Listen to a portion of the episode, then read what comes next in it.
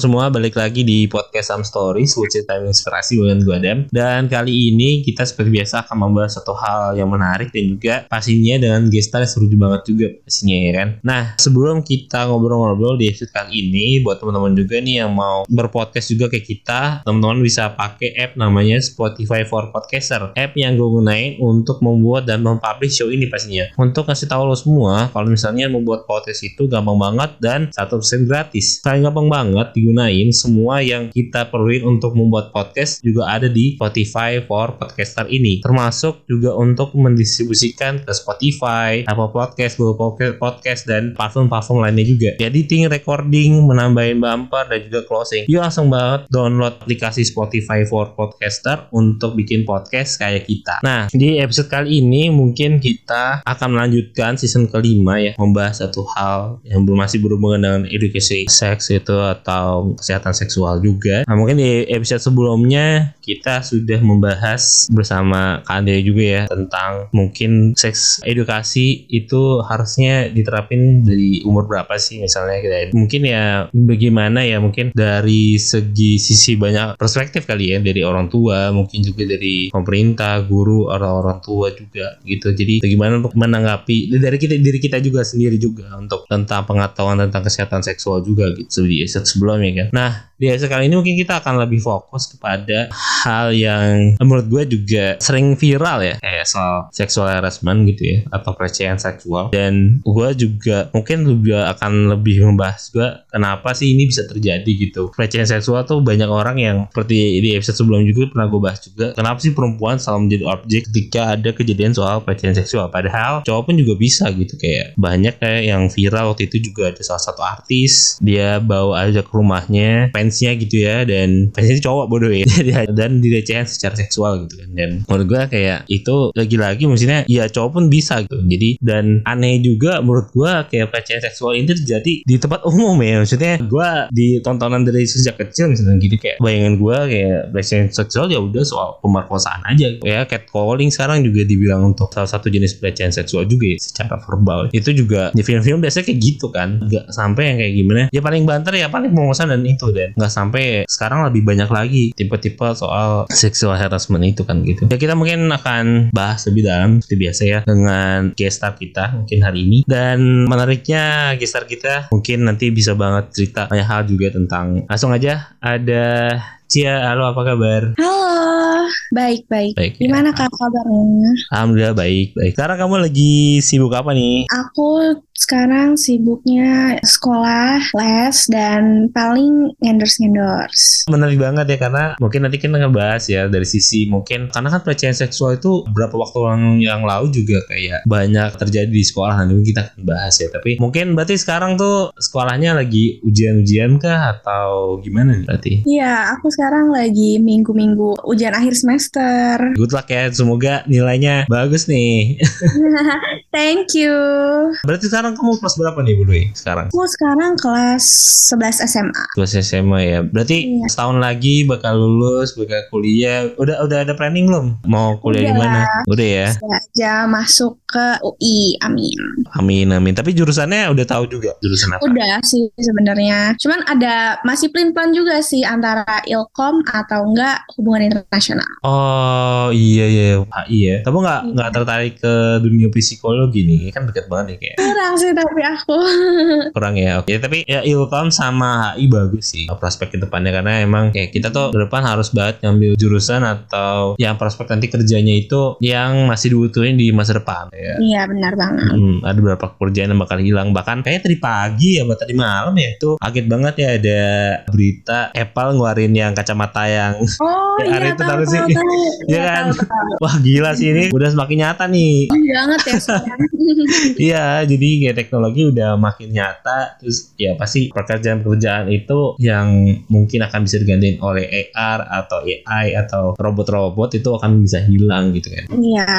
Ya mungkin aku mau mulai soal pembahasan tentang ini sih kayak, jadi kita sudah sempat juga ngobrol kan di sebelum kita record. Berarti kita konteksnya lagi ngomongin soal sexual harassment. Perspektif kamu ketika mendengar tentang kata sexual harassment atau pelecehan seksual tuh kayak gimana sih di bayangan kamu gitu? Yang pertama kali dibayangkan aku adalah pelecehan seksual itu biasanya dominan korbannya itu perempuan yang merupakan pelecehan fisik maupun verbal Hmm. maupun di tempat umum atau di tempat yang lebih private atau kenapa tapi mungkin dominannya adalah lebih banyak ke perempuan. Lebih banyak ke perempuan ya sebagai objek Iya, yang yang tadi aku bilang. Ya menurut kamu kenapa sih akhirnya perempuan tuh kenapa selalu menjadi objek kan? Maksudnya kamu sebagai perempuan dari kacamata kamu kenapa laki-laki itu tidak bisa menjadi objek yang ketika ada sexual harassment itu ya laki-laki juga mengalami gitu. Iya, menurut aku sih mungkin beberapa laki-laki itu melihat cewek itu kayak mungkin contoh-contoh misalnya dia naksir dan dia tidak bisa menahan nafsu atau enggak mungkin dari beberapa faktor lingkungan aja sih mungkin yang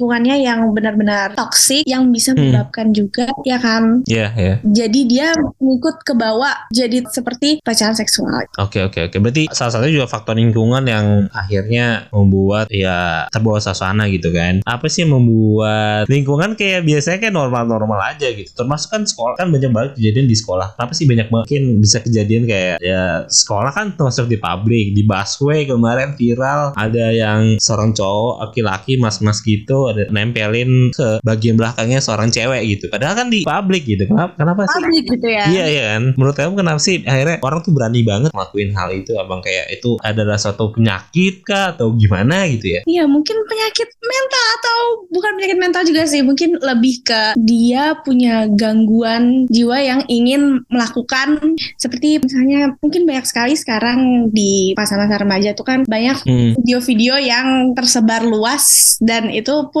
tersebut juga porno gitu. Ya iya iya. Ya, jadi mungkin dia ya itu tadi sih mungkin nggak bisa nahan nafsu dan ya punya gangguan jiwa aja sih kalau menurut aku karena itu sebenarnya nggak masuk akal aja apalagi di publik gitu. Hmm, hmm, iya iya iya iya iya iya benar sih. Tapi secara lingkungan di sekolah gitu kan harusnya banyak banget terjadi di lingkungan kita yang terdekat kayak misalnya di sekolah kan di gurunya, terus abis itu yang harusnya mendidik anak gitu kan, anak muridnya gitu malah menyalahgunakan kemudian di keluarga pun juga ada gitu kayak bokap sendiri gitu, nyokap Oh, atau iya. bahkan paman Orang terdekat ya. orang terdekat Mm-mm. gitu. Kenapa sih justru musuh-musuhnya itu orang terdekat gitu? Menurut kamu kenapa sih gitu? Menurut aku mungkin dia tidak bisa menyalurkan Hasrat seksualnya. ya hasrat seksualnya ke orang lain dan mungkin dia mempunyai kuasa. Kuasa misalnya contoh, ya pelaku itu adalah atasan korban. Jadi Hmm. mungkin dia merasa mempunyai kuasa dan jadi mengambil alih tentang pelecehan seksual ini gitu. Jadi dia melecehkan orang yang menurut dia di bawah dia gitu. Iya iya iya. Tapi kayak menurut aku kan tadi kan kita udah aku singgung nih berapa bentuk uh, sexual harassment kayak misalnya tadi catcalling yang sederhana ya, terus pemerkosaan udah pasti, terus ada lagi ya, di, di jalan ya ada orang naik motor terus tiba-tiba bahasanya sorry ngegrepe gitu misalnya gitu kan. Oh iya Ah, benar. Iya kan benar. waktu itu ada ada ada viral waktu itu gitu kan. Terus ada banyak hal lagi ya. Yang waktu itu ada viral juga artis bawa ke rumah fansnya tadi itu dari belakang gitu main dari belakang. Tapi menurut aku ada lagi nggak sih yang mungkin secara verbal fisik yang terhitung atau terkategorinya termasuk pelecehan seksual gitu? Mungkin aku cuma taunya beberapa karena aku sering mendapatkan sexual harassment itu. Pelecehan seksual tapi yang verbal, fisik tapi fisik mungkin nggak terlalu sampai ini banget ya.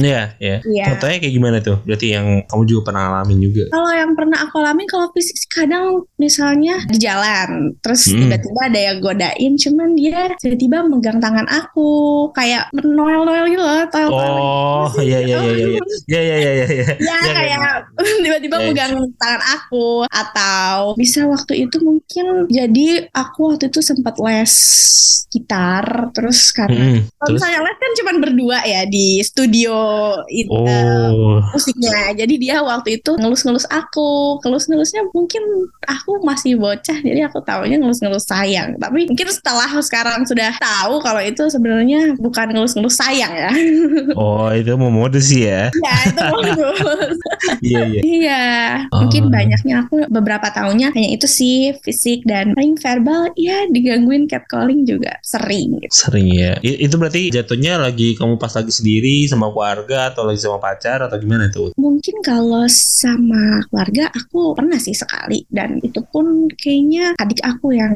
notice gitu. Kalau sendiri Oh. aku sering karena aku pulang sekolah jalan dulu sebentar karena parkiran mobil aku jauh itu juga Hmm. kadang suka digodain gitu kan di catcalling hmm, kalau sama pacar aku kayaknya nggak pernah sih. Eh ber- berarti tapi adik kamu tuh cewek juga atau cowok? Iya adik aku cewek. Oh pantesan iya iya iya iya pernah pernah soalnya aku juga pengalaman lagi lari Iya. pagi sama adik aku adikku cewek ya Mm. itu makanya dia buat dia malas jadi lari pagi lagi iya abang abang gitu di pinggir jalan kayak cuit cuit cuit gitu gitu padahal sama aku gitu Mm. Gitu. Masa- masalahnya kayak udah sama abangnya gitu aja pada orang tuh berani aja gitu untuk kayak goda-godain gitu ya Iya. Padahal juga kita sama orang lain gitu nggak sendiri. Iya iya iya. Berarti kalau yang di parkir itu tukang parkirnya atau orang jualan atau gimana tuh? Biasanya itu orang yang kayak suka nongkrong-nongkrong di trotoar atau enggak Oh. lagi naik motor aja tiba-tiba manggil-manggil gitu.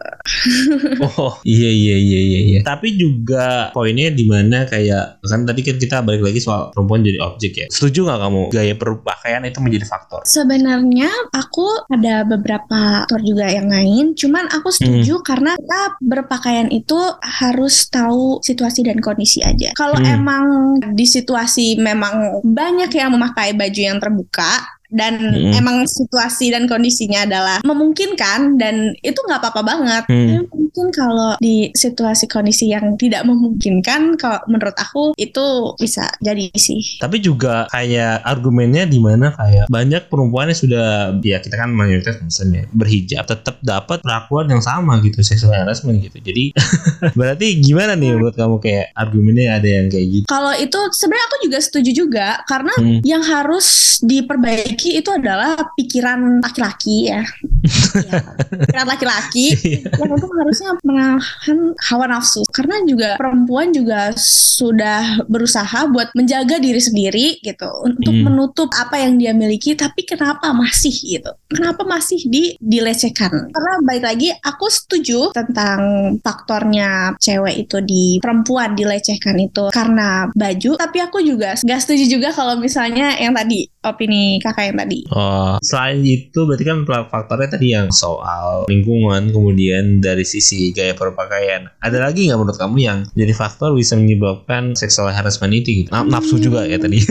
tadi kan? Iya, Iya. nafsu juga mungkin. Ya tadi sih memiliki kekuasaan juga. Hmm. Kamu kan juga pernah ngalamin sebagai korban juga pernah gitu kan. Hmm. Tapi menurut kamu apa sih dampak yang dirasakan laki-laki mau itu perempuan sebagai korban sexual harassment gitu? Sebenarnya sih banyak banget yang dirasain korban. Beberapa contohnya itu mungkin Hmm. korban itu ada banyak trauma mendalam, pastinya sih korban trauma dan juga dampak sosial jika terekspos gitu. Misalnya dia terekspos dilecehkan, Hmm. itu dapat dikucilkan oleh teman-teman sekitar atau mungkin Hmm. Dapat komentar-komentar negatif dari warga ataupun ya teman-teman terdekat sih. Tapi padahal harusnya Hmm. mereka itu dapat dukungan yang lebih dari kita karena mereka kan lagi downnya gitu ya dan banyak trauma atau depresi mungkin ya kan. Jadi seharusnya kita Hmm. itu kayak mendukung. menariknya soal mendukung ya. Apa sih langkah yang menurut kamu harus lakuin ketika ada kejadian seksual harassment di sekitar kamu? Kayak banyak banget kan orang yang takut untuk speak up kan karena mungkin tadi adanya kuasa misalnya kan karena kayak gurunya gitu dia kan takut kan karena lebih tua juga kan atau misalnya tadi ya di misalnya pamannya atau siapanya mungkin yang punya lebih punya power lah gitu. Mm. Menurut kamu gimana sih untuk Pertama itu kita tuh harus mempertegas dan bersikap berani untuk menegur atau bilang tidak. Hmm, mungkin juga bisa menelpon orang terdekat tapi orang terdekat tapi yang seksual orang yang bisa percaya sih kayak siapa bestie kamu atau siapa kamu gitu ya terus juga. Ya kalau langsung viralin tapi kan juga kadang uh, kita terkendala soal ITE ya ya. Hmm, jadi mending mending langsung hubungin ya ada pegangan orang-orang yang memang kompeten sih di di dalam soal ini gitu. Kayak misalnya lembaga-lembaga perlindungan perempuan atau misalnya ormas sih tapi organisasi-organisasi yang mungkin menangani hal-hal yang soal inilah. Biasanya mereka iya biasanya mereka ada ada call center juga. Ya, nah ini juga dari tim aku sini yang mungkin hukum bagi pelaku pelecehan seksual di Indonesia hanya sekitar 5 sampai 15 tahun. Sedangkan trauma yang dirasakan korban itu seumur hidup. Gimana nih kira-kira? Iya. harusnya hukumnya lebih lama kah? Terutama juga yang mungkin pelecehan yang sudah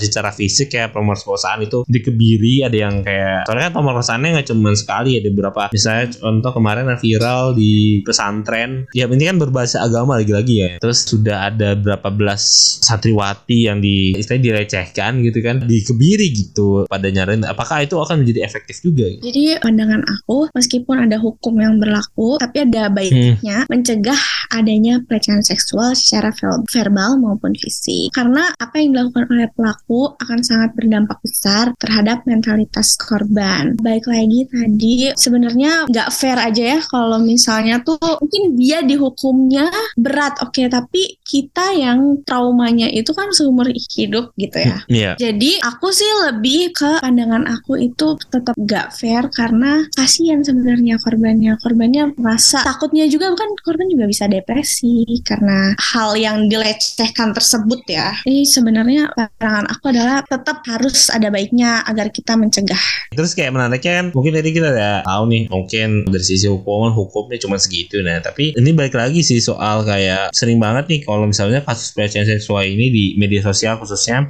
saya tuh netizen tuh cuma nyorotnya lebih ke nyalain korban gitu harusnya kan sebenarnya kenapa mau gitu. Kenapa lu bego banget sih? Bisa banget direcehin gitu. Misalnya kayak kayak gitulah uh, gitu. Kenapa nggak nyorot ke pelakunya? Karena biasanya baik lagi korbannya itu perempuan dan hmm. mungkin yang hanya dilihat itu nggak fairnya adalah perempuan gitu. Perempuan rusak itu kayak merusak ya maksudnya kayak laki-laki rusak tuh kayak ya udah laki gitu. Ya udah laki aja gitu. Kalau perempuan kayaknya sangat-sangat gak normal aja. Padahal hmm. sebenarnya harusnya ya itu semua gak normal sih ya menurut aku. Dan juga bacaan yang dilakukan oleh pelaku terlalu dinormalisasikan baik lagi oleh masyarakat atau media sehingga itu menjadi sesuatu yang harus kita tanggulangi dan banyak-banyak mendidik masyarakat zaman sekarang untuk bisa menilai, gak menilai untuk tidak menjudge uh, korban. Mungkin terakhir sih pesan buat teman-teman yang mendengarkan ini podcast ini ya, yang mungkin punya pengalaman seksual harassment tapi cerita, terus mungkin teman-teman yang masih nggak tahu caranya untuk ngadapin seksual harassment atau tadi yang masih kayak menjorot seksual harassment yeah. itu lebih ke arah korban itu pesan-pesan hmm. buat teman-teman yang mendengarkan. Teman-teman yang pernah mengalami seksual harassment, fisik fisik maupun verbal, kalian juga harus berani speak up. Hmm. Dan gak ada salahnya untuk marah atau tidak ada salahnya untuk marah kepada orang yang telah melecehkan kita. Dan jangan takut karena banyak sekali orang yang sayang sama kamu yang bakalan ngasih dukungan jika kamu mendapatkan pelecehan tersebut. Dan kalian juga bisa ya menghubungi call center nah. iya beberapa organisasi atau ya. yang mengurusi yang pelecehan uh, seksual. seksual. Atau yeah. kamu bisa cerita kepada keluarga karena keluarga pasti akan bisa saja gitu kalau misalnya emang sudah terlalu parah dapat menuntut di jalur hukum hukum. Jadi jangan takut untuk speak up karena kalau kamu nggak speak up, kamu bakalan menelan semua trauma kamu sendiri dan itu nggak baik buat mental kamu. Kayak di sana yang tidak pernah juga hati-hati dan semoga kalian tidak akan mendapatkan pelecehan seksual. Oke, okay, amin amin. Oke, okay, thank you Cia udah mau sharing hari ini sama aku. Mungkin Thank you juga kak. Mungkin hal yang bisa aku simpulkan hari ini ya mungkin buat teman-teman ya mungkin tentang sexual harassment ini ya tadi harus berani speak up dan juga ya mungkin jenisnya banyak ya. Mungkin teman-teman juga bisa googling juga hal-hal yang mungkin sekarang dikategorikan menjadi seksual harassment juga. Dan tadi mungkin bisa teman-teman juga bisa preventif juga googling juga. Kira organisasi-organisasi mana yang kira-kira untuk bisa menjadi wadah teman-teman untuk bisa cerita untuk bisa ngomong dan apa ya supaya pelaku pelaku ini mungkin bisa jerah lah. Mungkin mudah-mudahan buat teman-teman yang mendengarkan podcast ini bisa terinspirasi dan juga nambah insight juga. Dan sekali lagi thank you buat Cia yang udah mau sharing hari ini dan karena keterbatasan waktu juga mungkin teman-teman yang mau reach Cia di sosial media boleh nih nanti Cia share sosial medianya dan juga kalau bisa Cia ada project boleh juga nih share. Oke okay, oke okay, boleh boleh. Teman-teman semua buat yang mau nanya-nanya hal-hal lain atau yang lain atau mau lihat aku kalian bisa follow Instagram aku di @ciararestra di Instagram dan TikTok juga @thisnotchiros. Thank you semuanya. Tadi jangan lupa follow dan ikutin kegiatannya Cia ya. Dan buat teman-teman juga yang ingin bekerja sama atau ada ide untuk konten podcast Sam Story selanjutnya, ya set up on Instagram di @podcast underscore Sam Story dan juga bisa melalui email kita di podcastsamstory@gmail.com. Dan thank you buat teman-teman semua yang sudah menonton podcast Sam Story episode 122 bersama Cia and see you on the next episode. Dadah. thank you